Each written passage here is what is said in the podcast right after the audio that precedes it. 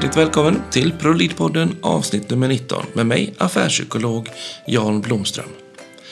Jag får börja med att tacka så mycket för alla som har gillat oss på Facebook och Instagram och Twitter. Jag heter ProLid-podden på Facebook eller Jan Blomström på Instagram. Så följ mig gärna vidare på sociala medier och fortsätt att kommentera.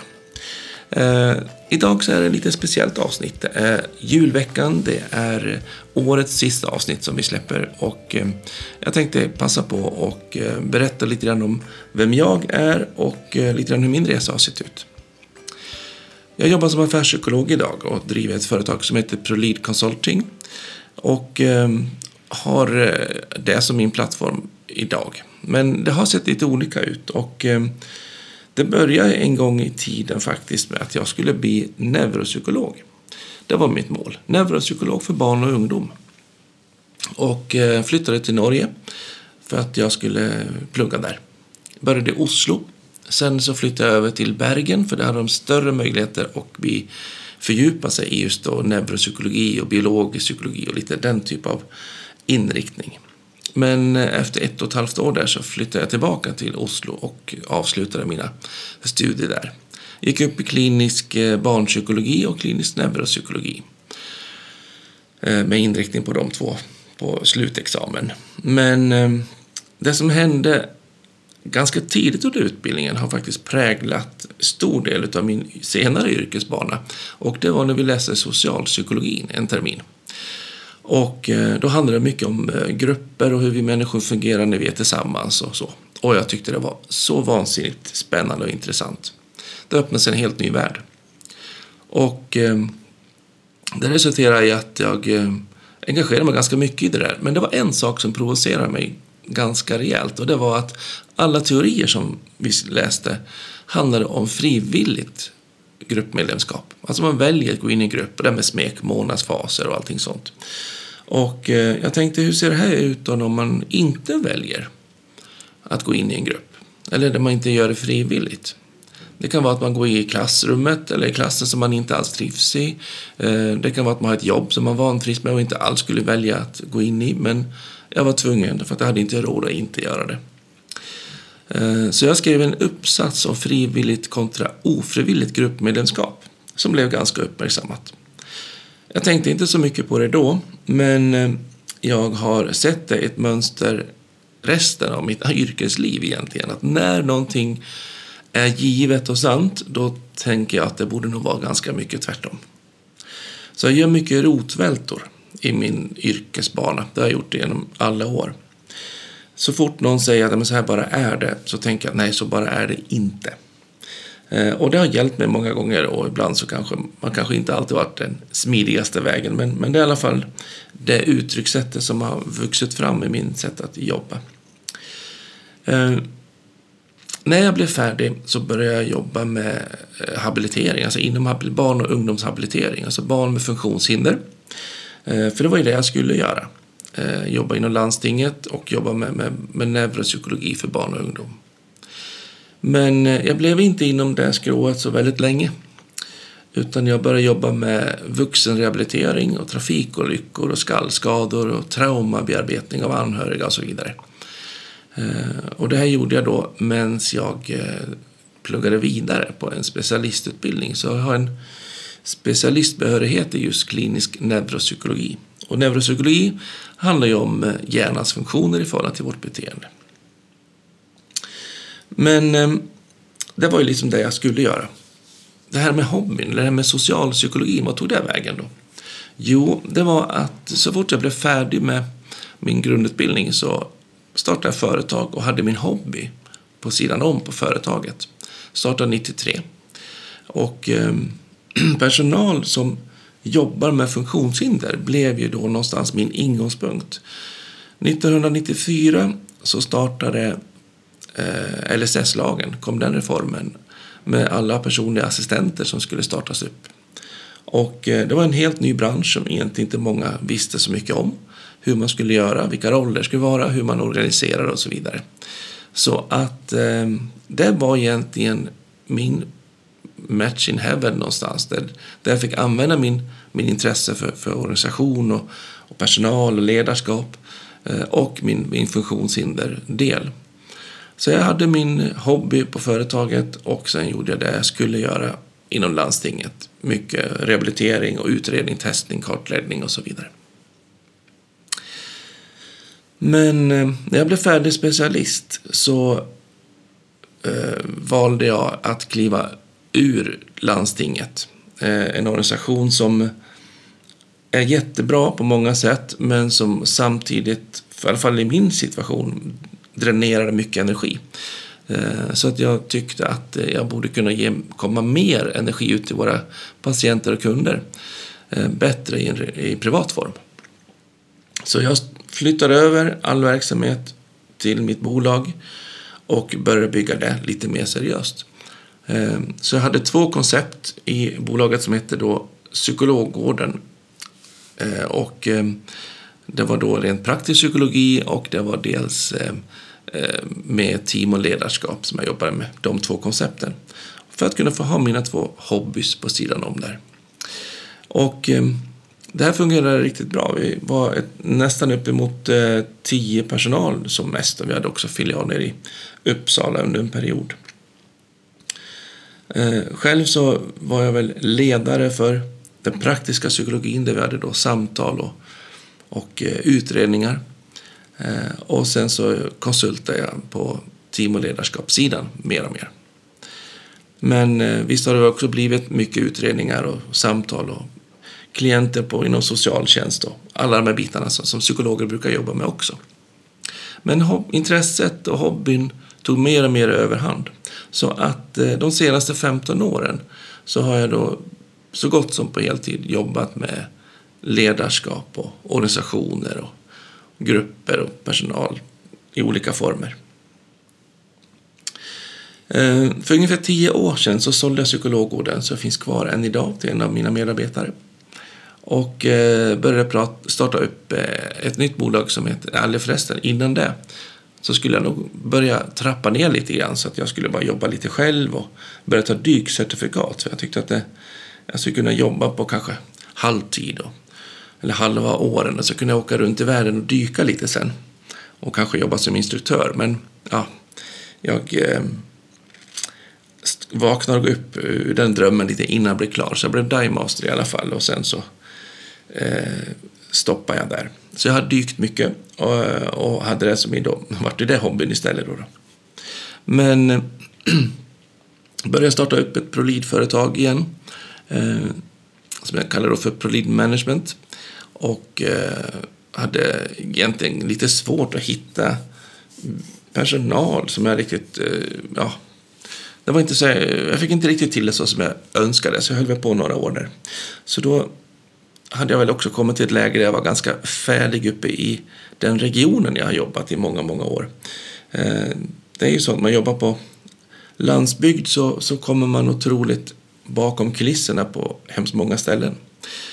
Eh, så jag kände som att jag behövde lite ny inspiration så att jag gjorde mig lite mer flyttbar istället. Så jag skalade ner verksamheten och blev ensam konsult.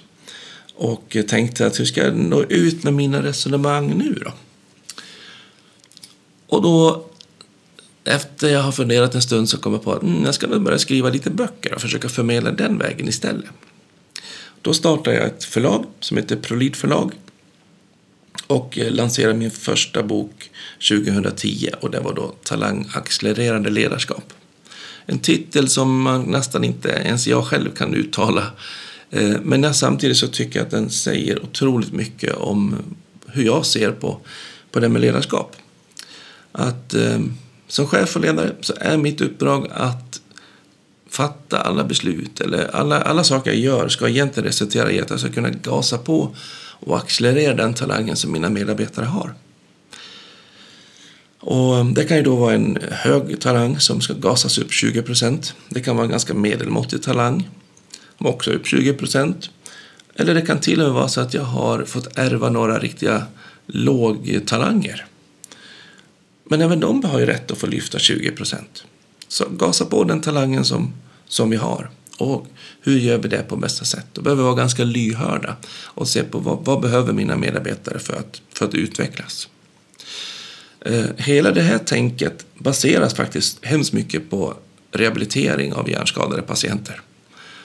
Det spelar ingen roll vilket skick man är som patient så ska man ju få rätt att rehabilitera sig, alltså växa, utveckla och förvalta de kompetenser, de förmågor man har kvar.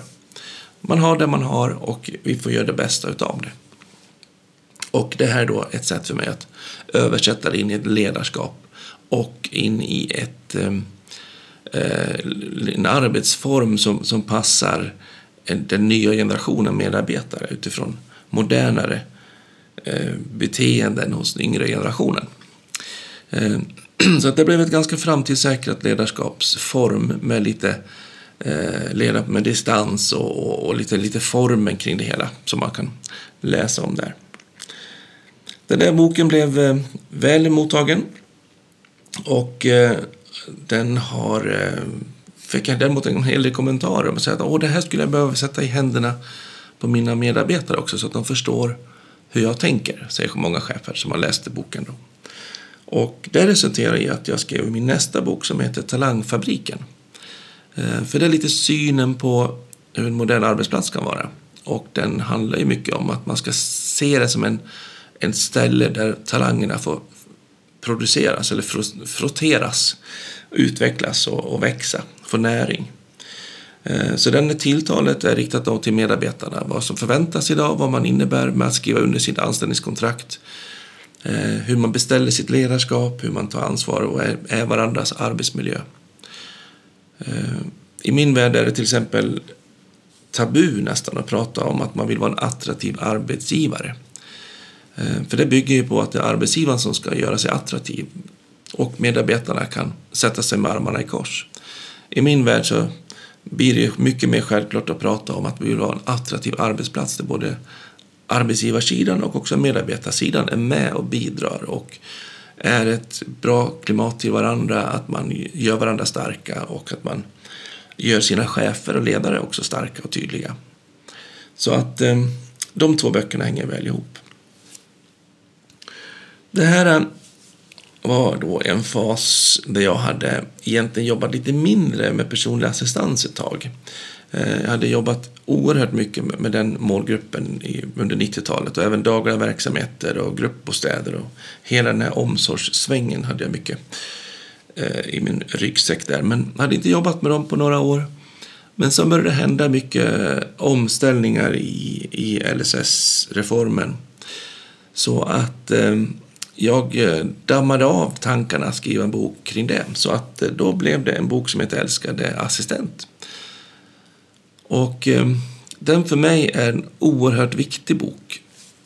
Därför att jag tycker att assistansen är ett jättebra kan säga, service eller hjälp, omsorgsstöd till, till, till brukare, till, till assistansberättigade.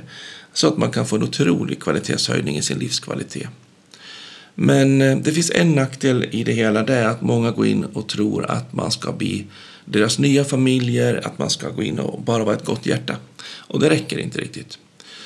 Eh, så att det här med att veta varför är man på jobbet egentligen? För det finns en lagstiftning som, som talar om ganska mycket tydligt vad, vad man ska göra och inte göra och vad vi ska sträva efter i assistantrollen. Så att eh, den boken handlar mycket om att eh, väcka upp till diskussion, att få, få eh, lite alternativa bilder på på, på varför man jobbar som assistent, assistent och varför man är inom LSS-verksamheter överhuvudtaget egentligen. Och eh, en av huvudviktiga budskapen är att man har rätten till sitt eget liv som brukare. Eh, inte att personalen ska bli mitt liv. Och eh, massa vändningar kring det. Den har varit eh, provocerande för många. Den har varit otroligt bekräftande för många. Och eh, den har varit med och skapat mycket goda diskussioner ute på arbetsplatserna. Så den är kanske den bok som jag eh, alla, den ligger mig allra, allra närmast om, om hjärtat tror jag.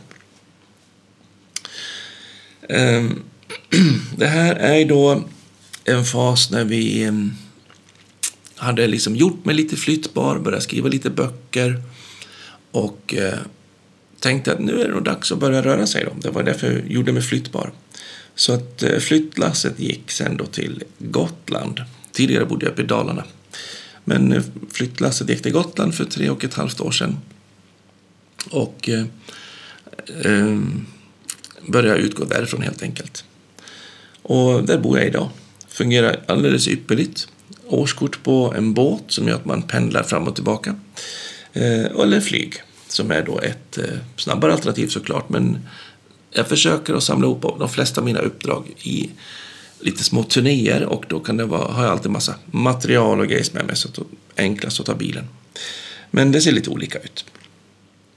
Eh, I samband med den här flytten så har jag också försökt att, leta lite efter alternativa sätt och ehm, vara lite mer tid på ön kanske och inte vara ute och resa så mycket. Och det är klart att det blir en viss förskjutning i paketeringen av tjänster och så men Skype är numera min absolut favorit.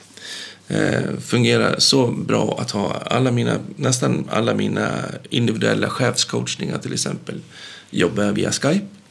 Eh, och eh, även en del eh, andra saker fungerar ypperligt på distans. Annars åker jag då runt och föreläser och jobbar med eh, mer eller mindre större förändringsprogram internt i företagen. Eh, så det är en bra balans mellan att vara ute och åka och jobba tillsammans nära med kunderna eller åka in och köra med föreläsningar med lite eh, ge sin, köra sin show och sen åka därifrån. Och det med enskilda.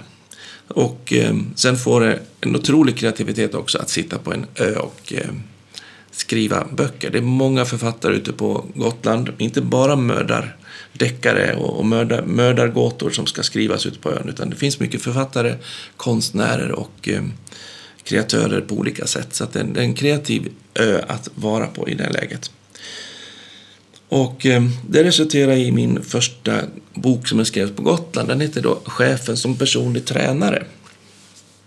Eh, för mig var det en, eh, kanske min eh, mest heltäckande bok egentligen. För den är som en, ett steg vidare. För, för mig är det så viktigt. Jag, jag stöter på så många chefer som, som ser sig så otroligt i centrum.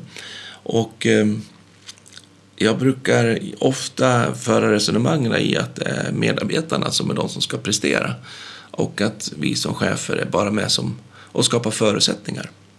Och eh, jag letar lite grann efter olika förklaringsmodeller som skulle kunna vara med och eh, hjälpa oss att liksom kommunicera kring den, den händelsen. Så jag tänkte att vi ser ju på tv många gånger att, eh, eller effekten eller frukten utav ett bra samarbete mellan en tränare och en adept eh, som verkligen skapar resultat. Om det är på skid-VM eller det är EM eller om det är olika andra tävlingssammanhang så, så är det ju den utövaren som presterar och man gör det med hjälp av stödteamet som är då bakom. Och eh, det där tyckte jag var lite intressant. För att det jag har sett mest är ju liksom när man från idrottsvärlden gå ut och, och liksom talar om hur man har gjort i idrottsvärlden och sen menar man att det ska funka jättebra även på arbetsmarknaden och det kan ha sina mycket kloka delar och poäng i det men samtidigt så är arbetsmarknaden lite mer komplex. Så att det inte alltid det går att jämföra och bara föra över. Eh, så tänkte jag att hur blir det här då om man för utgår ifrån arbets, alltså organisationspsykologin och, och utgår ifrån hela den Eh, ledarskapstänket och därifrån går över och lånar lite de här resonemangen från idrotten och träningsvärlden. Och eh, det resulterar då i boken Chefen som personlig tränare. Eh, och då är det mycket fokus på målbilder, att kunna jobba mot tydliga mål och att man tänker lite grann med vilken man har framför sig som chef. Vilken, vilken, vilken, vilket råmaterial är det? Som jag sitter med. Vad är det man har med sig innan? Vad har man för drivkrafter? Har vi samsyn på ambition? Eh, så att man inte anställer någon som tror att man ska gå på en Friskis och Svettis eller en, en korpennivå på föreningen och vi själva har i arbetsplatsen har en ambition att bli elitsatsning så går man i otakt. Och lika tvärtom såklart. Så att man behöver ha koll på att man ligger rätt och att man ligger lika. Och för de allra flesta i samhället så är det ju faktiskt bättre med en korpennivå eller Friskis och Svettis träning. En bra allmän hälsa, vardagshälsa och vi mår ganska gott och det är kul och trevligt och socialt. Det är ganska få som det är bäst med en elitsatsning på. Men det viktigaste är att man är överens kring det. Har du koll på inventeringen, vad du sitter med för personal, då kan man ju också börja använda lite grann årscyklusar tänkte jag. Att eh, när är liksom när är OS för den här arbetsplatsen? När ska man liksom toppa laget? Eh, och i de lägena så är det ju bara att ge arbetsro. Att inte införa några nya saker, inte hålla på och störa som chef, utan faktiskt backa undan och ge medarbetarna lugn och ro och fokusera på att kunna prestera så bra man kan med det man har hunnit fått med sig. Men då behöver vi också kanske fundera på var kan vi då Eh, stanna upp? Vad kan man liksom, när är lågsäsongen? När kan vi göra den här grundrenoveringen? När är det liksom off-season på den här arbetsplatsen? Och när är det mellansäsongen? För den är grov lågsäsongen som man kör ofta som är infrastrukturella strukturförändringarna. Byter eh, datasystem eller man, man liksom byter, flyttar roller, man, man ändrar arbetssätt och man, man liksom gör de här grundläggande grovrenoveringarna i, i, på arbetsplatsen. På mellansäsongen, ja men då kanske man kör mer på lite sån här fintrimning. Man lyfter ur vissa egenskaper och jag kanske ska vara lite mer flexibel och så får jag prova att vara i kundtjänst och träna lite grann på, på vissa små, små egenskaper som man kan träna på i många olika sammanhang. Och igen kommer man närma sig tillbaka i cyklusen när det blir nytt top notch-läget och eh, då ska man bara fintrimma och få blomma ut i, i det man har fått träna på helt enkelt. Och det här är ju inte självklart så jättetydligt men, men eh, det finns alltid en högsäsong och det finns alltid en lågsäsong. Även om skillnaden kanske inte är lika stor som, eh, som det är inom idrottsvärlden när man har fyra år till nästa OS till exempel. Sen finns det också en hel del eh, man kan få hjälp av när man tänker rehabträning och toppa lag och hur man kan liksom beakta med att man tar in någon som är världselit i, i gruppen, alltså någon riktig eh, toppkompetenstalang eller något sånt. Men man behöver balansera upp det för att inte det ska rycka sönder gruppen. Eh, och lite andra resonemang och liknelser därifrån som gör att man kan ha fokus på att prestera som bäst när det gäller som mest. Ja, den boken kändes hemskt nyttig i alla fall eh, när jag skrev den och den har blivit väl också mottagen och fyller verkligen sin, sin funktion känns det som när man stöter på hur man har arbetat med den ute i, i, på arbetsplatserna. Ja, nu var vi framme vid eh, en tidpunkt där jag började fundera lite mer på vad det innebar att jobba på en ö, eller bo på en ö. Och eh, eh, märkte då lite grann på det med att man, när man var på fastlandet så, så kunde man gärna vara med på frukostmöten och man kunde vara med på julsammankomster och nätverk på ett annat sätt. Eh, men jag ville ändå kunna nå ut och påverka och inspirera på lite andra sätt. Så att då växte tanken fram med att eh, kunna använda då den här podden. Att det är också ett bra sätt att kunna nå ut och det kommer ett bra sätt att eh, inspirera och eh, även själv att bli inspirerad. Eh, så att det är ett sätt för mig också att kunna få träffa på lite olika personer och vara lite social den vägen och få in, input på, på vad de gör. Och det hoppas jag också ni kan känna glädje då till att lyssna och eh, bli inspirerade av de här avsnitten som jag gör. Så det här var någonting jag började diskutera med, med Johan Goth som är och, eh, Music Production är uppe i Leksand. Eh, och eh, han har också varit tillsammans med honom som jag har spelat in ljudböckerna utav mina titlar som jag har gjort. Så att det var naturligt att börja diskutera med Johan.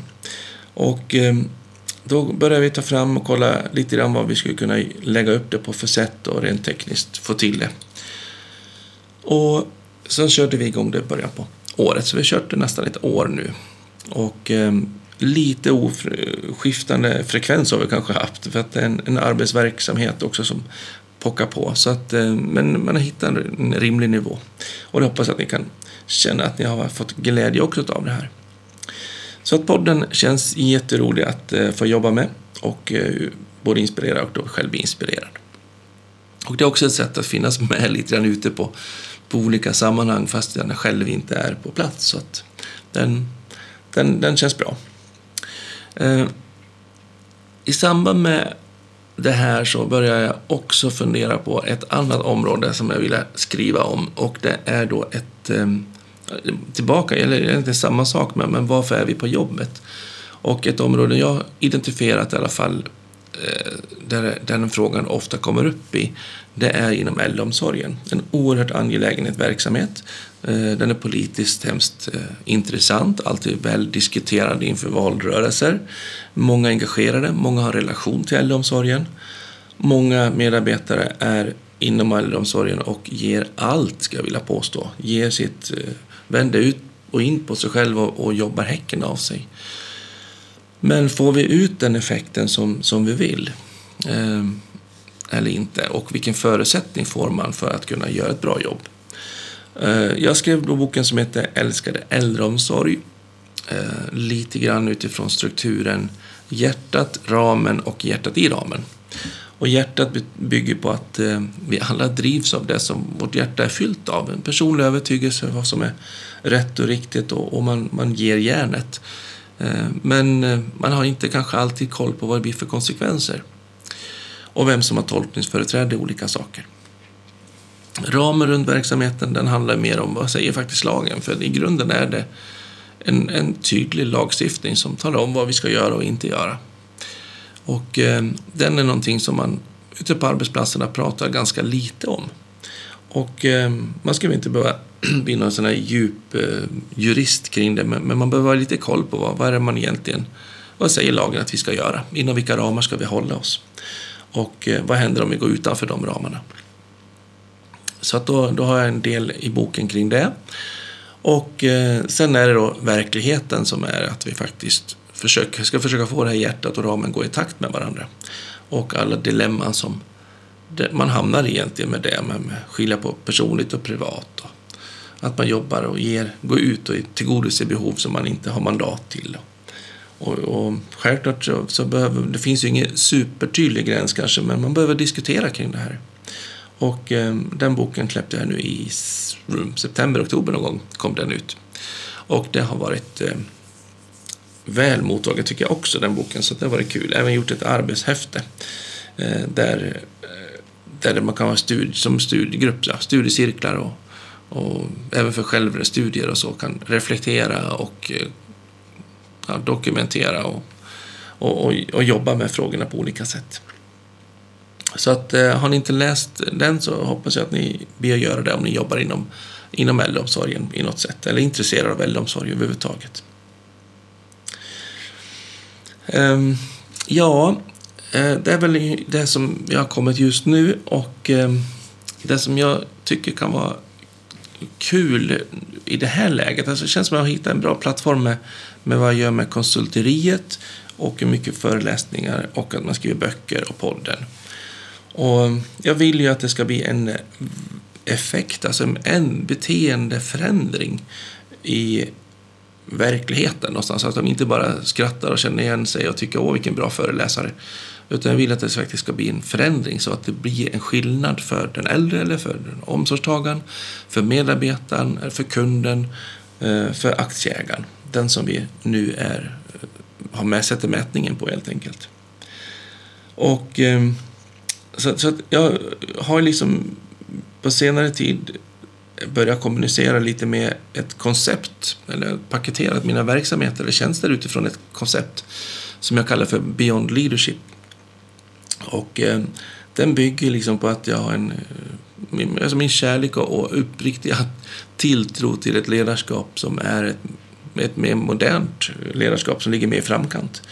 Eh, mindre prestigefullt, eh, där man eh, har mycket högre kommunikation, där man jobbar med tydlig målstyrning och, och, och, där man inte fegar ur och, och ber om ursäkt för att man är chef Eh, de helt enkelt undviker gruppbeslut. Utan man ska vara tydlig i vilka beslut som chefen gör och vilka som medarbetarna gör. Våga ställa krav, våga sätta upp inriktning, våga lyssna på vad medarbetaren behöver. Ehm, så ett modernt ledarskap helt enkelt. Och sen, som kanske den allra viktigaste delen, det är effekten som vi får ut av ett bra ledarskap i en verksamhet. För det frigör kraft, det frigör energi hos medarbetarna som jobbar mycket mer lyhört mot kunderna och som eh, skapar bättre resultat. Och resultatet, ja, det kan ju då antingen vara vinst på sista raden om ni jobbar i aktiebolag. Men för mig så kan det vara precis lika mycket att man får maximera vinsten i ett kommunal verksamhet.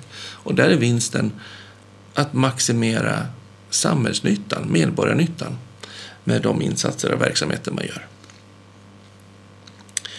Och ehm, ja, till det här så känns det som att eh, Beyond Leadership är ett koncept som jag bottnar hemskt bra i, i alla fall och känner mig hemskt trygg i. Det leder också, bygger också på att man, man känner sig trygg i att låta folk ta sina egna vägar och att man inte ska gå före och dra med folk utan det handlar om att ge dem tydliga kartor så att de själva kan ge sig ut på sina verksamhetsutflykter mot gemensamma mål. Ja, det är ungefär så. Eh, om man tänker sig på de kunderna som jag jobbar med just nu eh, så, så märker jag av det här med att eh, hitta arbetssätt som, som fungerar för de, den nya generationen medarbetare, arbetskraft. Eh, det räcker inte att eh, man bara tycker att de nya 80-talisterna, 90-talisterna är lata, utan det handlar om att man helt enkelt behöver hitta arbetsformerna på en arbetsplats så att 80-talisterna, 90-talisterna får bra förutsättningar att prestera, även de. På samma sätt som man behöver hitta förutsättningar för att lite mer mogen mer arbetskraft kan, få till det. Eh, så att man behöver helt enkelt vara otroligt lyhörd på, på vad vi behöver för att prestera. Eh, våga markera, våga skapa förändring och för omställningsprocesserna. Sätta kraven i det. Mm. Det är ungefär så som mina tankar går just nu i alla fall. Och, eh, ja, jag hoppas att eh, ni har eh, haft ett lika bra år så som jag har haft och att ni ser fram emot 2017 med spänning. Jag har precis startat igång lite samarbeten med eh, dels Lära för livet och dels eh, Athenas och eh, Komlit Plus bland annat med gäller föreläsningar och, och lite sånt. Och det ska bli spännande att se hur det växer fram. Och jag har även eh, ett par andra lite nya affärsområden vi ska dra igång här under våren. Eh, som jag inte kan kommunicera riktigt än, men som är, kommer bli ett otroligt bra komplement till att skapa förändring ända ut hos alla medarbetarna. Det ser jag i alla fall otroligt mycket fram emot. Ja, med det här så får jag önska er allihopa en riktigt god jul och eh, jag hoppas att ni följer podden även under våren. Så ge oss in nu i 2017 år med god tillförsikt. Jag hoppas att ni allihopa har det riktigt skönt och eh, så hörs vi vid nästa tillfälle. Ha det bra, hej!